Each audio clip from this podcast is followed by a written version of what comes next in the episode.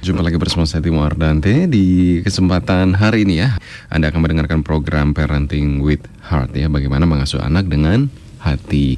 Yang pasti kita akan membahas seputar permasalahan keluarga nih Heartliner ya, dan khususnya dalam hal mengasuh atau mendidik anak mulai dari latar belakang kenapa hal itu bisa terjadi, kemudian penyebabnya apa, dampaknya terhadap keluarga atau anak seperti apa, serta pencegahannya bagaimana. Nanti kita akan bahas tuntas di program Parenting with Heart. Kita selalu mengangkat topik yang berbeda. Kali ini kita akan mengangkat topik yang eh, kelihatannya sepele, tapi ternyata dalam banget nih Heartliner ya. Judulnya atau temanya itu bagaimana sih enuresis dan enkopresis dapat terjadi pada anak ya Heartliner ya. Uh, setelah anak-anak semakin uh, besar, kemudian juga menjalani toilet training atau pelatihan menggunakan toilet ini mereka mengembangkan kemampuan untuk menahan refleks alami yang memerintahkan untuk buang air kecil dan juga buang air besar. Akan tetapi nih Heartliner ya, ada beberapa anak mengalami kesulitan untuk menahannya. Jadi kalau malam akhirnya ngompol tuh ya. Uh, dan apakah sebenarnya dialami oleh anak-anak yang mengalami masalah kesulitan menahan buang air kecil atau buang air besar ini dan apakah mereka mengalami enuresis ataukah mereka juga mengalami enkopresis wow baru pertama kali pastinya dengar istilah ini kalau saya sih memang baru pertama kali ini kita akan bertanya nih ada Bung Denny Surya Saputra yang akan membantu kita untuk menjelaskan permasalahan ini. Kita sapa saja yuk. Apa kabar nih? Uh, kabar baik. Uh, pas kemarin malam saya dapat uh, bahan siarannya. Wow. Kalau menahan ibaratnya ngompol kayak istilah-istilah ngompol kayak gitu ngerti nih. Nah ini ada istilah baru nih enuresis dan juga enkopresis. Iya. Mungkin bisa dijelaskan nih permasalahan apa nih yang terjadi nih? Oke, okay. ini emang bahasa ilmiahnya ya untuk masalah enuresis dan enkopresis. Nah bahasa awam kita sehari-hari itu ternyata bah, uh, yang nggak pernah asing lagi yang kita dengar, yang kita saksikan dan begitu dekat dengan lingkungan kita sehari-hari itu bagi mereka yang ngompol gitu kan, yang sebenarnya dalam uh, kalau kita lihat hmm? di usianya mereka, mereka seharusnya tidak seperti itu, gitu ya. Uh, jadi kalau pada orang normal nih, hmm? kalau untuk anak-anak yang normal uh, biasanya ketika kandung kemihnya itu lagi malam hari mereka tidur itu lagi penuh dengan air seni. Mm -hmm. Nah, di, uh, ini ini saya jelaskan mengenai kondisi fisiknya dulu gitu ya. Mm. Kondisi biologisnya yang terjadi pada diri si anak ketika dia tidur mm. dan kandung kemihnya itu lagi penuh dengan air seni. Mm. Nah, uh, pada saat itu saraf-saraf pada dinding kemih itu mengirim pesan kepada otak. Nah, uh, jika sudah penuh dengan urin gitu ya uh, di kandung kemih itu. Nah, lalu otak merespon dan mengirim pesan kembali kepada kandung kemih untuk segera pergi ke kamar mandi dan untuk kencing di kamar mandi gitu hmm, kan untuk pipis uh, uh, untuk normalnya seperti itu gitu hmm. tapi untuk anak-anak yang enuresis uh, ada kesalahan uh, pengiriman apa namanya penerimaan Sinyal. Uh, uh, pesan seperti itu dan hmm. akhirnya uh, mereka tidak bisa menahan refleks seperti itu dan akhirnya ngompol tuh oh bukan karena kalau kalau namanya juga anak kecil ya kan uh, uh. sering banget kita dengar wah ngom masih ngompol ya iya gitu oh berarti uh, wak waktu mau pipis jangan minum air yang banyak gitu ya bisa jadi seperti itu tapi ternyata ada faktor-faktor lain ya? ada ya? faktor lain yang kalau memang ini menjadi masalah yang sangat uh, signifikan mempengaruhi uh, hubungan antara orang tua dan anak bahkan uh, dari anak itu sendiri gitu. Karena seharusnya di usia-usia yang setel usia kalau, berapa sih? uh, di yang usia harusnya nggak boleh ngompol nih harusnya okay, nih. minimal sih uh, lima tahun ya gitu ya. Oh berarti kalau di bawah lima tahun boleh ngompol ya? nah kalau udah di lima tahun ke atas itu kan seharusnya kan mereka kan sudah belajar untuk uh, melatih diri ya orang tua toilet sudah training. melatih di toilet mm -hmm. gitu kan.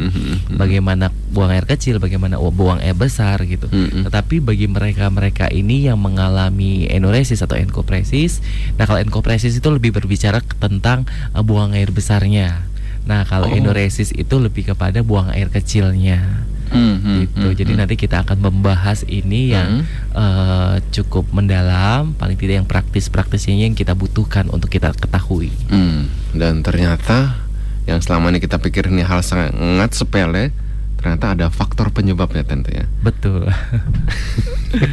Bukan hanya karena kebanyakan minum atau mungkin karena uh, belum pipis pasti belum pipis nih pas mau boboknya dedeknya gitu. Ya bisa Bukan, jadi. bisa jadi. Bisa jadi seperti itu. Tapi Dan juga ternyata ternyata ada juga faktor-faktor lainnya juga yang mempengaruhi gitu ya. baik dan ternyata ketika ngompol itu ada dampaknya juga loh Heartlander terhadap si anak itu dan juga terhadap keluarga atau orang tuanya juga. Ya, Bung Den, Ya, Oke. ngompol ini. ini hal yang sangat sepele sebenarnya. Tapi ternyata eh Begitu ad- dekat ya, banget begitu. gitu, ya, iya. masalah ini ya. Nah, sebenarnya penyebabnya apa nih Bung Den?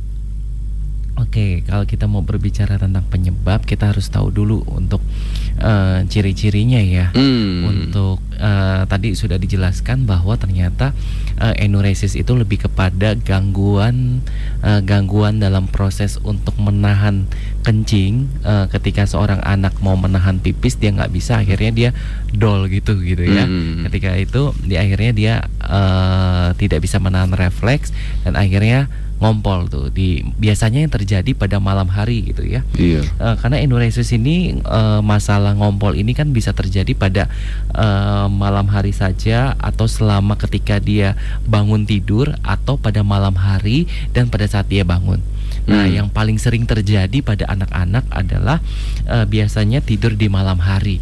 Nah, itu juga biasanya ber, seiring dia akan berkembang usianya lebih dewasa lagi nanti eh, biasanya akan eh, akan hilang gitu ya. Tetapi ada juga dalam beberapa kasus ini berlanjut sampai ke dewasa. Dan Oh. saya sering banget juga cukup eh, melihatnya bahkan eh, menyaksikan mendengar Mhm. mereka-mereka yang eh, iya mereka mengakui bahwa saya masih ngompol gitu kan walaupun sudah menikah, walaupun sudah usianya dewasa, kuliah bahkan eh, sudah remaja ke atas gitu ya. Ada yang Nah, terjadi. ada yang seperti itu. Atau gitu. mungkin juga salah satu pelawak Indonesia kan kalau ketawa akhirnya ngompol itu itu- Sampai itu, ke- sampai bisa ngompol. Itu juga Ah. bagian dari ini kah? Oh itu belum tentu. Oh, belum tentu ya. Ha-ha.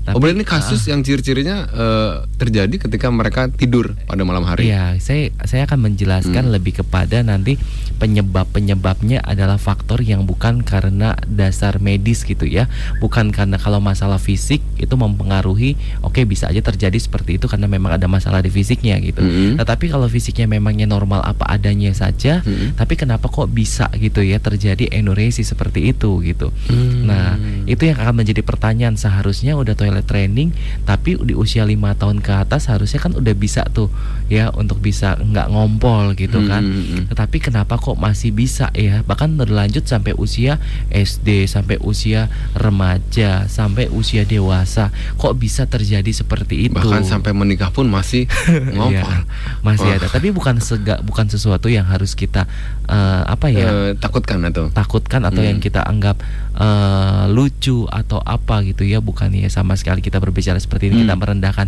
mereka yang masih ngompol gitu Hmm. saya juga ketemu sama seorang ibu-ibu pernah yang Mm-mm. yang memang pernah mengalami Hmm. kasus seperti ini gitu kan dan dari situ saya juga belajar oh iya ya ternyata seperti itu loh Oh. Nah, jadi saya akan menjelaskan bagaimana ciri-cirinya gitu.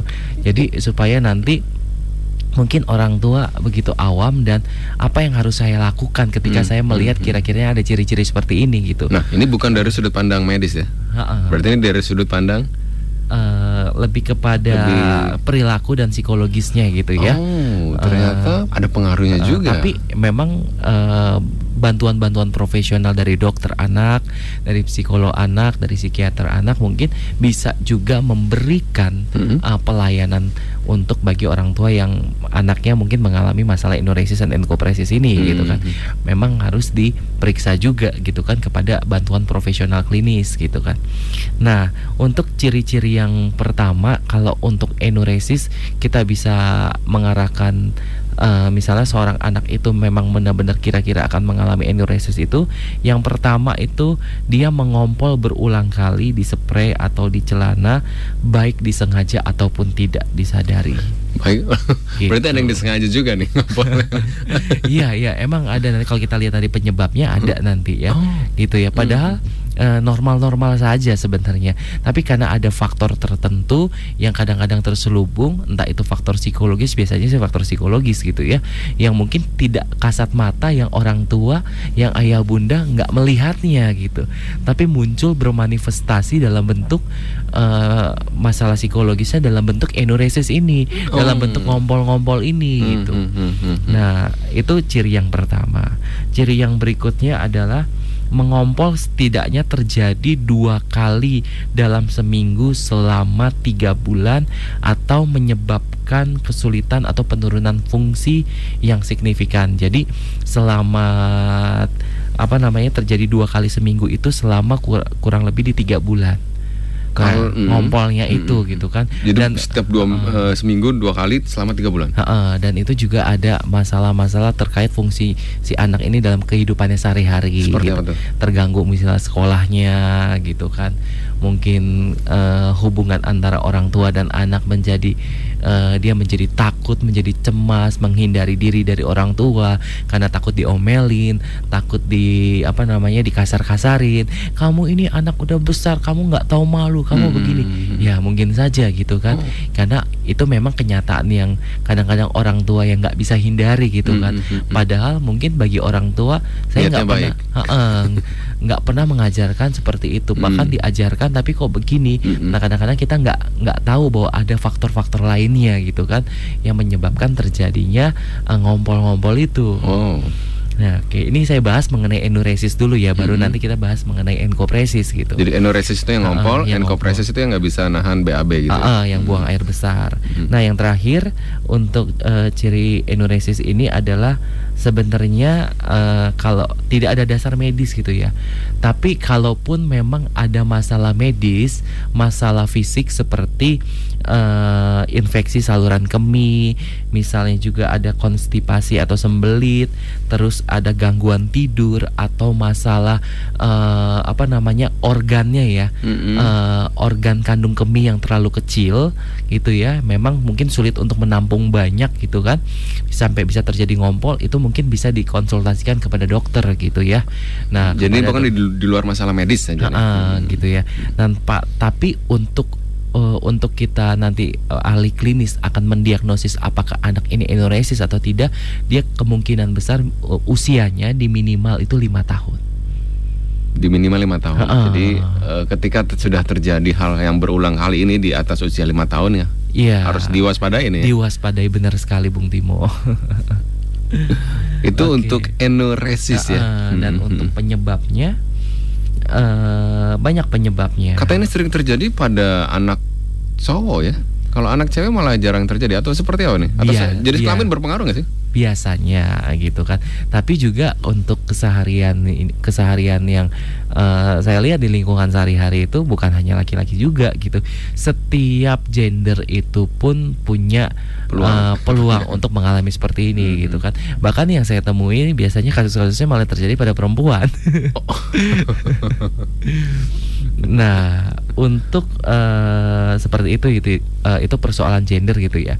Nah, biasanya orang tua juga bingung emang berarti apa sih yang menyebabkan gitu kan? Mm -hmm, apa yang menyebabkan -hmm. anak saya kok bisa mengalami seperti ini gitu ya. Mm -hmm. Nah, biasanya yang pertama itu bisa terjadi karena faktor genetik faktor genetik artinya ada keturunan. Masa ngompol nah, keturunan sih? Nah, saya juga pertama kali ketika lagi mempelajarinya pun loh, kok begitu ya bisa gitu ini. bisa ya. Tapi akhirnya ternyata hmm. pernah saya uh, tanya sama satu klien, ternyata eh, ibu-ibu uh, ini juga masih sampai usia dewasa suka ngompol gitu. Dan saya tanya gitu kan, apakah terjadi sama orang tua? Oh iya, orang tua saya juga pernah seperti itu. Apakah di usia yang sama? Biasanya kalau memang itu faktor genetik itu biasanya tapi nggak harus pasti gitu ya. Biasanya di usianya sama juga sama orang tua mengalami enoresis. Wow gitu. Jadi orang tuanya juga ternyata ngompol ibunya mm, juga mm, pernah mm, ngompol mm, gitu kan. malu ini ibunya kalau kelihatan ngompol sama anaknya. Lu kok udah mama uh, itu salah satu contoh hmm, gitu ya hmm, untuk uh, sekali lagi ini bukan sesuatu yang memalukan oh. tetapi ini sesuatu yang memang uh, bagian dari hambatan perkembangan lah ya gitu kan. Sebenarnya nggak harus seperti itu cuman ada kekeliruan-kekeliruan di mana kita sebagai orang awam oh ini nggak ngerti loh gitu. Hmm, jadi apa yang harus kita lakukan nanti kita akan bahas juga gitu. Baik nanti nah, hmm. itu untuk yang penyebab pertamanya gitu ya sekarang kita akan memasuki ciri-ciri uh, dari enkopresis itu sendiri ya. Jadi anak yang suka BAB gitu. Ya, Bung Den atau seperti apa nih? Iya, kalau enkopresis itu lebih kepada uh, mereka uh, sulit ya menahan BAB-nya gitu. Kalau itu untuk enkopresis mm -hmm, gitu. Nah, mm -hmm. tadi untuk enuresis uh, mereka sulit untuk menahan uh, buang air kecilnya gitu hingga sampai ke kamar mandi gitu kan sehingga terjadilah ngompol nah, gitu. Dan ngompol ini e, dikategorikan bila terjadi dalam seminggu itu dua kali mm -hmm. dan prosesnya selama, berlangsung selama tiga bulan penuh gitu ya. Oke. Okay. Nah berarti itu sudah terjadi enkopresis ya. Enuresis, eh, enuresis. gitu ya. Oke. Okay. Uh, eh, cukup cukup sama sih ya untuk enuresis dan enkopresis mm -hmm. gitu ya untuk untuk uh, persoalannya cuma yang satu buang air kecil, yang satu buang air oh, besar. Oh, bukan karena sakit perut gitu ya? bukan karena masalah itu. Gitu bukan ya. masalah ya. medis pokoknya nih. Uh, persoalan hmm. perilaku lah ya ini hmm. ya, uh, lebih kepada uh, persoalan psikologis gitu. Nah tadi udah dijelaskan juga penyebabnya ada faktor genetik, terus untuk masalah enuresis atau mengompol ini juga bisa terjadi pada saat uh, orang tua itu memaksa berlatih anaknya toilet training sejak uh, sangat dini gitu ya hmm. sejak sangat-sangat dini sekali gitu sampai uh, sebenarnya belum waktunya untuk anak itu dilatih toilet training misalnya tapi dipaksa banget berlatih gitu ya. Jadi ada uh, ngompolnya ini dalam bentuk sebenarnya anak itu belum siap anak itu mengungkapkan ada kemarahan atau permusuhan gitu dengan orang tuanya. Nah, tanpa disadari persoalan psikologi seperti ini, uh, ketika anak merasa terpaksa untuk berlatih train, uh, toilet training, anak itu mengembangkan ekspresi permusuhannya dalam bentuk ngompol gitu. Oh, seharusnya to toilet training itu umur berapa ya diajarkan uh, kepada anak? Biasanya bagi mereka setelah di fase biasanya ibu-ibu tuh suka tahu bahwa ketika anak bayi dilahirkan itu dia mereka masuk di fase oral gitu ya. Fase di mana kepuasan mulut itu diberikan uh, gitu ya hmm, di nol hmm. tahun sampai di satu setengah tahun atau dua tahun. Nah biasanya di satu setengah tahun atau dua tahun ke atas itu mereka sudah dimulai diajar untuk toilet training. Hmm, hmm, hmm. gitu. Jadi itu masuk ke fase yang disebut dengan fase anal. Fase anal di mana mereka harus tahu bagaimana kedisiplinan dalam bentuk uh, bertoilet gitu ya. Untuk kencing itu seperti bagaimana kalau mau kencing itu dibilangnya seperti apa gitu kan. Nah hmm. mereka itu harus berlatihnya dimulai di usia-usia seperti itu. Usia satu setengah tahun ke atas uh, gitu ya. Tapi biasanya juga ada beberapa untuk bayi-bayi di Indonesia yang sudah dilatih memang tidak dipaksakan juga tapi memang sudah dibiasakan dari orang tuanya sejak awal. Itu oh. bukan itu bukan memaksakan itu memang membiasakan bayi ajaib ya itu membi orang tua yang membiasakan tapi dengan uh, rasa aman buat anak juga hmm, itu hmm, itu nggak hmm. sebenarnya nggak apa-apa gitu ya. lebih uh, awal pun nggak apa-apa gitu uh, hmm. tapi uh, jangan sampai anak itu merasa terpaksa dan akhirnya anak itu mengembangkan ekspresi permusuhan seperti mengembangkan itu. ekspresi permusuhan, permusuhan. dalam It... arti nggak uh, apa namanya mungkin karena dia belum merasa siap mungkin karena dipaksakan gitu kan atau karena memang kan uh, toilet training kan paling cuman ayo deh uh, pipis dulu yuk sebelum sebelum iya, tidur kan gitu. Ya? Kalau itu hmm. memang atau nih pipisnya uh, ke sini kamar mandi ya gitu. Kalau memang itu tetap menimbulkan rasa aman pada anak uh, dan tidak terjadi masalah apa apa-apa hmm. sama anak nggak masalah gitu ya. Tapi ketika memang anak itu uh, bisa saja seperti itu gitu loh dan memang biasanya ketika dia uh, terpaksa atau dipaksakan itu biasanya suka menimbulkan kecemasan. Mm-hmm. atau memang mereka itu bukan dipaksakan tapi ditakut-takuti nih udah pernah mengompol terus ditakut-takutin gitu kan. Kamu itu nanti kalau ngompol lagi uh, diomelin gitu kan diapain dihukum atau apa bahkan kalau biasanya dengan cara tradisional dicapungin gitu ya gitu. nyari capung udelnya dikasih capung biar nggak ngompol lagi nah, gitu ya ternyata hal itu juga mempengaruhi kondisi psikologi si anak. Dan ketika seperti itu kan anak menjadi takut gitu ya. Iya. Nah, kecemasan yang terjadi dalam diri si anak ketika dia pengen berusaha untuk aku nggak boleh ngompol, aku nggak boleh ngompol. Nah, ketika dia mengatakan seperti itu dengan disertai kecemasan, itu saraf yang di di dalam dirinya itu seharusnya memang menahan ngompol, tapi bukannya menahan malah membuat itu menjadi cepet dol, cepet untuk malah jadi ngompol. Oh. Nah, semakin anak mengalami kecemasan, nah ini penyebab enuresis Mm-mm, juga bisa mm-mm, terjadi mm-mm. seperti ini. Oh. Karena kecemasan yang terjadi pada saat anak menahan refleks untuk nggak ngompol, Malah jadi ngomong. malah jadi ngompol gitu. Mungkin juga menahan refleks eh, cemas karena mau dikasih capung. Heeh, karena Sebenarnya anaknya nggak mau nih dipaksa. Bisa juga itu ya. Iya bisa jadi seperti itu atau juga Mm-mm. kalau misalnya ketika ada kehadiran saudara kandung misalnya gitu kan yang dia merasa cemburu gitu kan kembali yang disebut dengan regresi kembali kepada tahap perkembangan sebelumnya. Harusnya di usia lima tahun nggak seperti itu kembali lagi di usia sebelum lima tahun gitu kan. Oh, jadi ngompol. Jadi bisa juga perkembangan itu kembali ke masa Ah, sebelumnya gitu ya? karena apa karena Karena- ada pemicunya gitu. ada pemicunya Hmm. karena aduh aku pengen sebenarnya aku cemburu sama adikku gitu kan tanpa disadari gitu Hmm, kan hmm. respon aku masih butuh kasih sayang aku masih butuh perhatian kenapa adikku mengambil perhatian mama kenapa Nah. adikku mau ngambil perhatian papa Nih, hal-hal yang seperti ini nih yang terkadang orang tua tidak menyadari loh.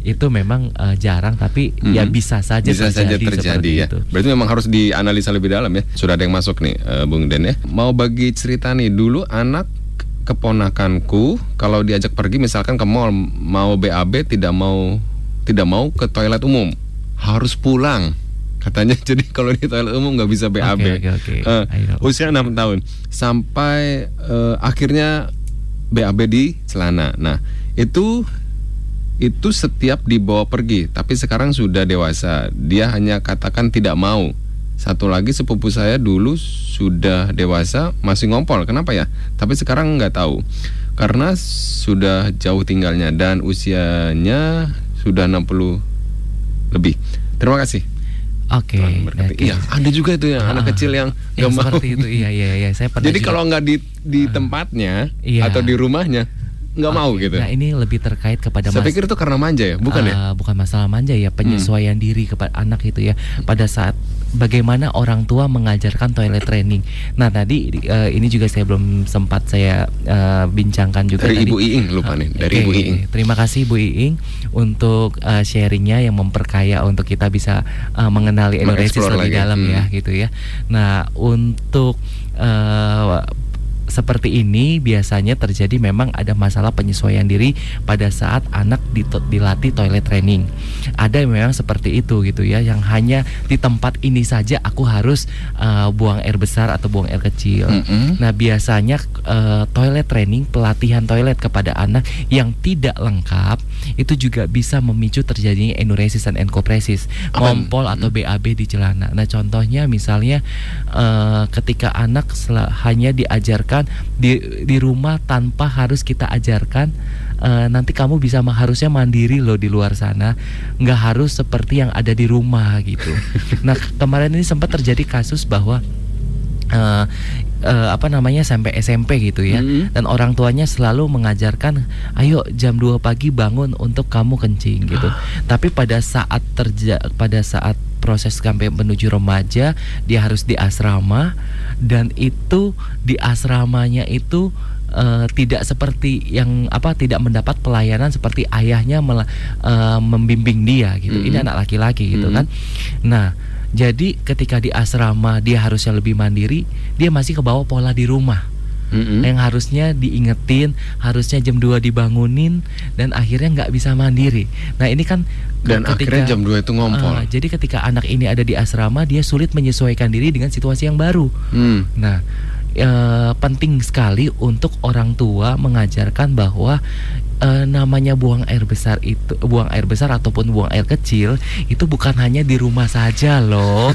di mana-mana kalau kita lagi dalam Namanya panggilan alam ibaratnya ya. Ah, ah, di dalam keadaan yang mepet Mm-mm, sekalipun kan setiap kita beraktivitas ada kamar kecil kamar kecil Mm-mm. kita nggak perlu malu karena ada anak yang cemas pencemas yang malu untuk ngomong yang misalnya di sekolah juga eh, susah untuk bilang izin Mm-mm. itu mereka menahan gitu mereka tak mereka malu Ya untuk udah ngomong. mendingan udah nggak apa-apa dah, Nggak ditahan apa. lah gitu ya. ditahan sampai Mm-mm. akhirnya ngompol Mm-mm, atau dia buang air besar di celana juga dan itu yang mungkin terjadi gitu ya dan kembali lagi kepada eh, orang tuanya untuk memberikan pemahaman dan pendampingan sampai pada anak itu bisa mandiri Nah, gimana caranya untuk untuk anak yang tidak mau BAB di tempat umum gitu? Eh, belajar eh, kita belajar membiasakan kita harus dilatih nih. dilatih kita membiasakan diri kita sama-sama dampingin dia gitu ya dan terus berikan pujian penghargaan pada saat mereka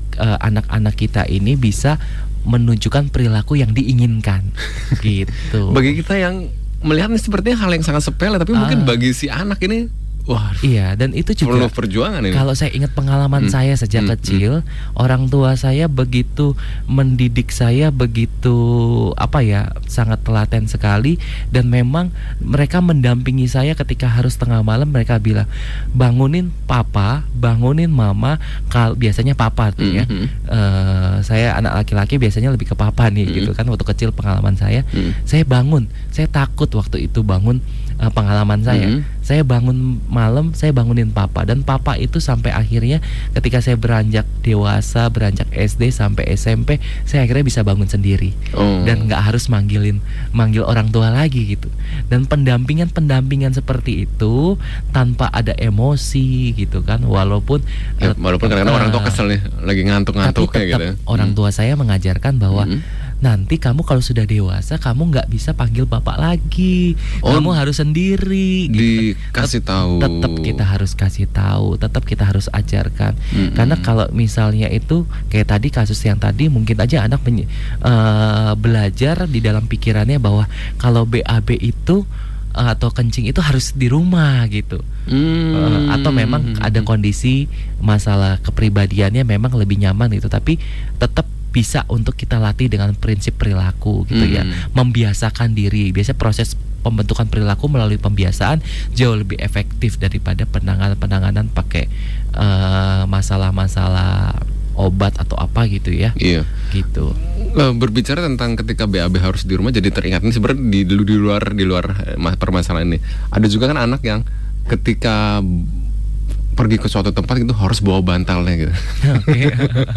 Ada juga ini sebenarnya di luar masalah. itu apa sih penyebabnya? Harus bawa gulingnya gitu. Sampai akhir bau banget gitu ya. Sampai udah dewasa juga masih jadi bawa. eh apa ya itu ya itu eh, memang sih terjadi saya pun juga seperti itu saya waktu itu eh, tapi hampir setiap anak ya seperti itu gitu ya Oh. tapi itu sih lebih Guling kesayangan. Eh, eh, saya memang punya guling kesayangan waktu itu sampai akhirnya eh, dibuang gitu kan ke kali gitu kan sampai saya nangis nangis gitu kan karena itu udah kotor sekali Mm, gitu mm, kan mm. dan itu eh, apa ya bagian dari sahabat masa kecil kali ya gitu ya Seharusnya gimana sih Ah. untuk eh, bagi orang tua nih? Apakah memang ya sudah dibiarkan saja kah atau apa seperti tadi ya udah dibuang langsung ke kali Tapi gitu? eh, kalau kami pribadi di keluarga kami pribadi ya keluarga saya pribadi gitu, saya dan adik-adik saya pun ada masanya kami akan lepas sendirinya, gitu. Oh. Eh, akan lepas tapi orang tua akan eh, biasanya Nggak sabaran ya? ayah dan ibu kami eh, bersyukur sih sabar banget Oh. sampai pada akhirnya itu nggak bisa terpakai lagi dan kita akan menggantikan dengan aktivitas-aktivitas yang lebih positif eh, sampai akhirnya kita kita nggak menggunakan boneka itu lagi kita nggak Hmm, hmm, menggunakan hmm, bantal guling itu lagi gitu dan orang tua menerima apa adanya sih gitu ya Jadi kalau misalkan saat ini sedang terjadi pada keluarga anda ya sudah dibiarkan saja ya sampai sampai akhirnya terus anak itu ngerti sendiri gitu. Eh, dibiarkan tapi dengan pendampingan gitu ya Hmm, dengan hmm, hmm. didikan dari orang tua juga Kasih tahu gitu. Ya. eh, tetap kita terima apa adanya gitu ya Baik, yang ingin kita ketahui bagaimana sih penanganannya gitu ya. Gimana nih Bung Deng? Oke, untuk penanganannya yang pasti eh, lebih kepada uh, yang biasanya lebih efektif itu adalah teknik perilaku ya yang tadi saya bahas itu teknik perilaku di mana kita membiasakan anak mm-hmm. untuk mungkin sebelum tidur uh, membatasi konsumsi cairan gitu mm. ya untuk membatasi mereka seperti itu atau membangunkan mereka di awal-awal kehidupan mereka masih di usia-usia dini gitu kan uh, cara-cara untuk membiasakan mereka membangunkan mereka gitu atau membiasakan uh, sebelum bobo uh, dulu membiasakan gitu. sebelum sebelum hmm. bobo mereka pipis dulu atau membiasakan rutinitas buang air kecil setiap berapa jam sekali gitu. Nah, hmm. hal-hal seperti itu biasanya kebiasaan-kebiasaan yang sudah dibangun selama kurang lebih kemungkinan besar di 21 hari ke depan gitu kan. Selama 1 sampai 21 hari itu akan mengembangkan mereka kepada perilaku yang kebiasaan-kebiasaan uh, itu oh. menjadi karakter gitu ya. Cukup nah, 21 hari ya. Dimulainya gitu kan untuk membangun kebiasaan mm -hmm. biasanya perlu uh, biasanya sih Sebulan. di 21 hari 21 itu. Hari juga Tapi untuk hmm. memperbaiki kebiasaan biasanya lebih dari berkali tiga kali lipat uh, untuk membangun kebiasaan yang Berarti baru. 60 hari. Nah, itu tuh yang susahnya banget bahkan lebih sampai 100 hari. 100 hari untuk bisa uh, memperbaiki kebiasaan yang buruk lebih. gitu. Nah, oh. lebih baik kita membangun kebiasaan yang baru daripada mengatasi ya, masalah-masalah hmm. yang buruk gitu ya. Nah, untuk uh, penanganan-penanganan perilaku seperti itu biasanya akan jauh lebih efektif gitu ya.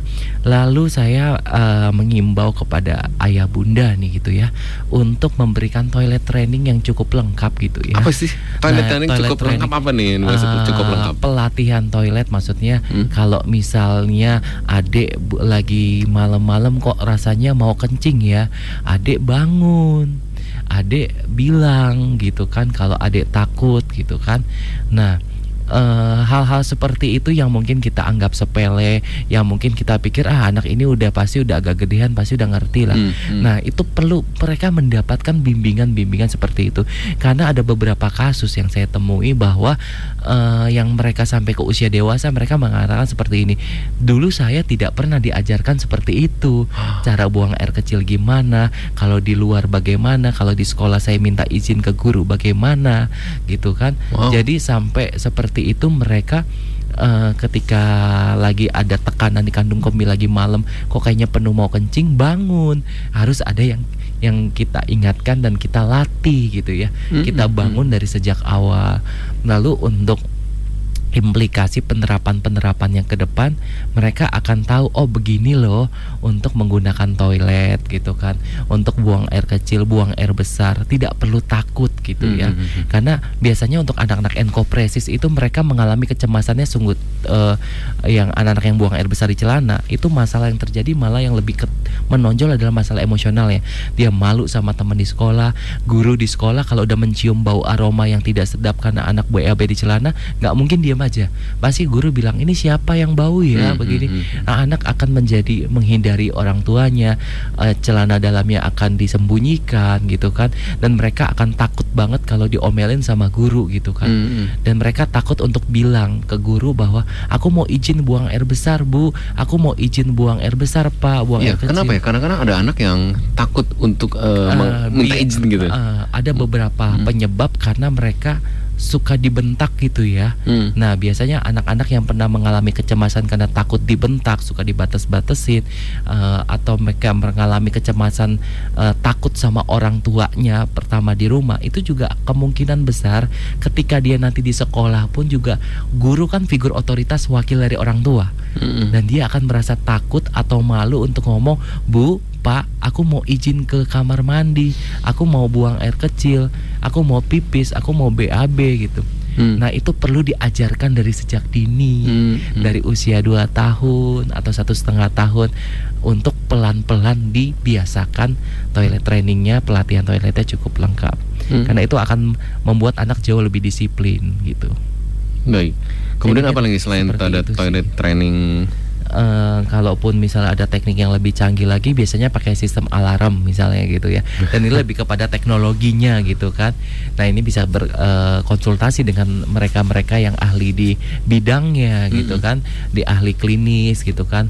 Apakah memang tersedia uh, bagaimana cara untuk ketika ada sistem alarm alarm berbunyi ketika ditaruh di tempat tidur anak ketika alarm itu diken uh, apa air ngompolnya itu air seninya itu kena ke alarm gitu kan Nah, eh, apakah itu bisa berbunyi gitu kan pada saat anak mulai mengompol dan harus bangun gitu kan? Oh ada ya? Ada, yang seperti itu atau eh, teknik alarm yang apa namanya eh, ini digunakan untuk meningkatkan respon gitu ya, respon ketika kandung kemih mulai penuh.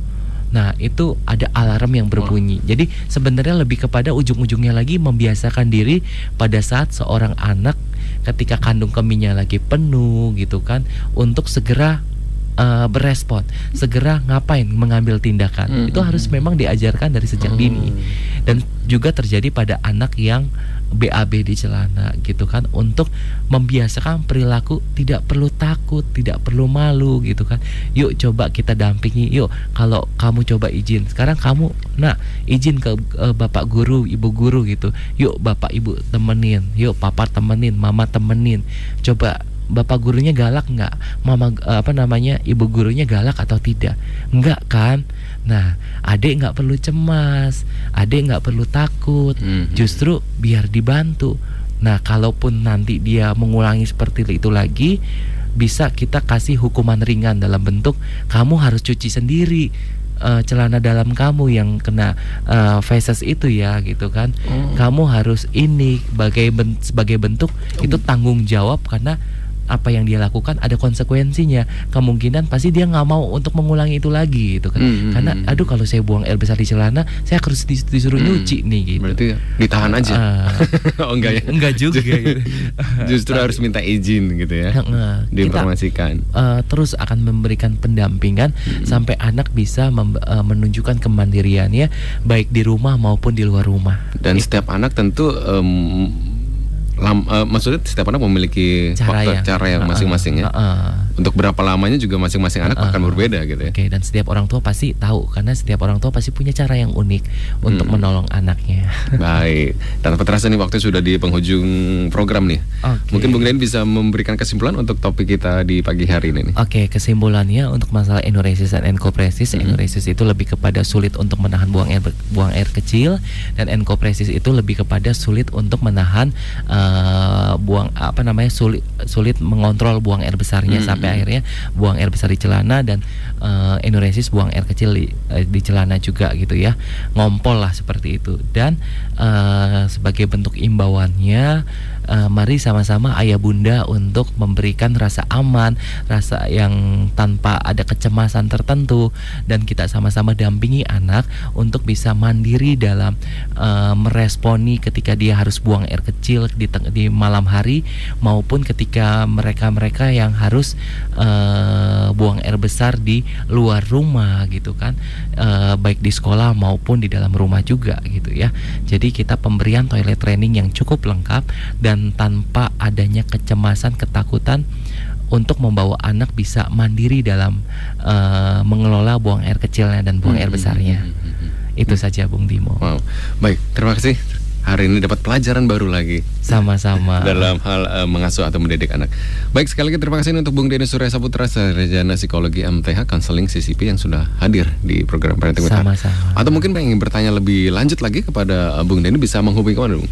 Bisa menghubungi ke admin admin Yayasan Musremas. Mm -hmm atau hubungin saya pribadi juga mm -hmm. bisa gitu. Berapa nomornya? Uh, di 0856 mm. 112 1400. 0856 112 1400. Baik, kan saatnya saya Timo Ardante undur diri dari pendengaran Anda. Keep on growing and never give up.